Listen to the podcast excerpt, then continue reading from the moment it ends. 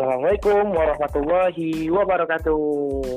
Kembali lagi dengan podcast Ekonomi Islam. Kali di episode kali ini kita akan membahas tentang mazhab ekonomi Islam. Nah, kali ini kita uh, didatangkan uh, oleh narasumber kita yang sangat luar biasa, masya Allahnya, yaitu uh, Kak Hansa Hanifah Syahidah.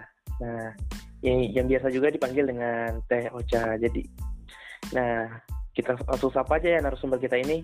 Uh, Assalamualaikum warahmatullahi wabarakatuh. Waalaikumsalam warahmatullahi wabarakatuh. Masya Allah, gimana nih kabarnya kak? Alhamdulillah. Alhamdulillah.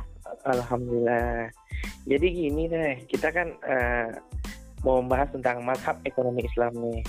Nah, menurut Teteh sendiri nih, uh, apa sih um, mazhab ekonomi Islam itu? Bisa dijelaskan nggak? Ya.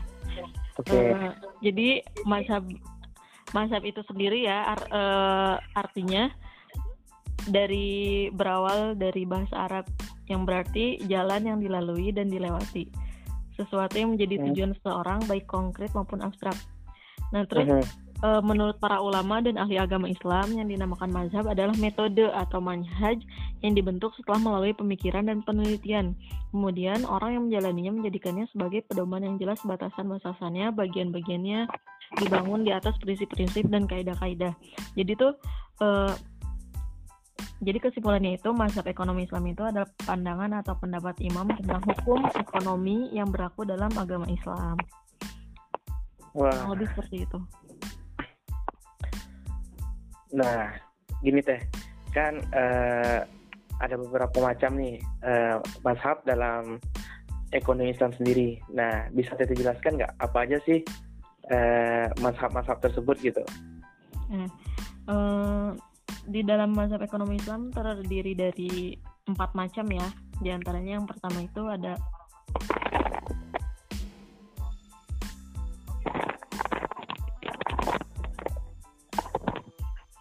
di antaranya ada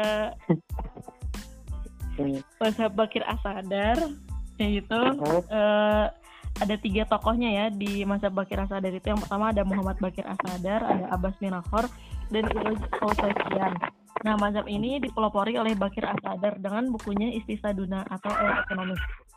Nah, mazhab ini berpendapat bahwa ilmu ekonomi tidak pernah bisa berjalan dengan Islam karena mereka beranggapan Islam dan ilmu ekonomi itu kontradiktif. Nah, menurut ilmu ekonomi konvensional, keinginan manusia tetap terbatas, sedangkan sumber daya terbatas. Nah, mazhab ini tuh menolak pandangan konvensional karena Islam tidak mengenal sumber daya terbatas. Nah, mereka melihat dalil dari Quran Surat Al-Qamar ayat 49 yang berbunyi, sesungguhnya telah kami ciptakan segala sesuatu dalam ukuran yang setepat-tepatnya. Karena segala sesuatu sudah diukur dengan sempurna, sebenarnya Allah telah memberikan sumber daya yang cukup bagi seluruh manusia di dunia dan pendapat keinginan manusia itu pun ditolak. Misalnya contohnya ketika manusia akan berhenti makan jika perutnya sudah kenyang. Itu salah satu hmm. contoh dari manusia itu keinginannya itu sangatlah terbatas. Nah terus uh, yang kedua itu ada mazhab mainstream. Mazhab, mazhab mainstream itu beranggapan bahwa sumber daya alam terbatas dan keinginan manusia itu tidak terbatas. Nah, sumber daya alam terbatas dijelaskan di dalam Quran Surat Al-Baqarah ayat 155 yang berbunyi dan sungguh akan kami berikan cobaan kepadamu dengan sedikit ketakutan, kelaparan, kekurangan harta, jiwa, dan buah-buahan. Dan berikanlah berita gembira kepada orang-orang yang sabar. Nah, terus e, keinginan manusia itu tidak terbatas. E, maksudnya di dalam Quran Surat At-Takasur itu ayat 1 sampai 3 di ya, dia berbunyi bermegah-megahan telah melalaikan kamu sampai kamu masuk ke dalam kubur. Janganlah begitu, kelak kamu akan mengetahui. Jadi kalau misalnya kita bermegah-megahan akan melalaikan kamu. Terus eh, tokoh ini itu dari masa mainstream itu adalah Muhammad Umar Capra dan Muhammad Najatullah Siddiqui. Mayoritas dari mereka bekerja di Islamic Development Bank yang memiliki dukungan dana dan akses ke berbagai negara sehingga penyebaran dan pemikirannya itu sangat cepat tersebar. Dan mereka para dokter dan dosen di beberapa universitas universitas barat. Oleh sebab itu, mazhab ini tidak pernah uh, menolak teori-teori ekonomi konvensional.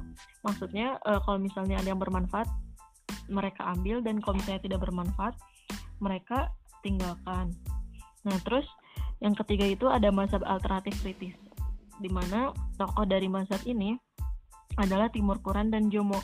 Timur Quran sendiri merupakan ketua Universitas, Universitas of Southern California jurusan ekonomi. Nah, mazhab ini mengkritiki mazhab sebelumnya, yaitu mazhab Bakir dikritiki sebagai mazhab yang berusaha menemukan hal baru, padahal sebenarnya udah ditemukan sebelumnya. Nah, terus kalau mazhab mainstream dijiplak dari ekonomi neoklasik yang menghilangkan variabel riba dan memasukkan variabel zakat dan niat.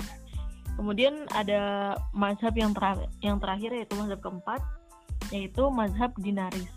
Nah, mazhab ini menggunakan istilah baru yaitu muamalah Islam, di mana perekonomiannya itu menggunakan mata uang emas dan perak. Mazhab ini dipelopori oleh Umar Ibrahim Fadilo. Fadila, Fadilo.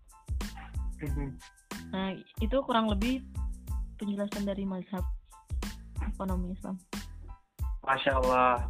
Jadi begitu teman-teman uh, penjelasan yang sudah dijelaskan oleh narasumber kita sendiri uh, tentang apa sih mazhab ekonomi Islam itu sendiri dan ada beberapa mazhab juga uh, seperti mazhab Bakir Asadar dan mazhab mainstream dan ada juga mazhab alternatif kritis. Dan untuk yang terakhir tadi apa tuh? Mazhab apa tuh? Dinaris. Uh, ma mazhab dinaris.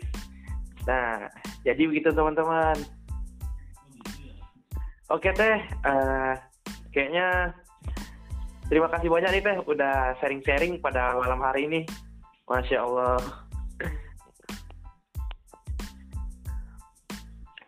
Hmm,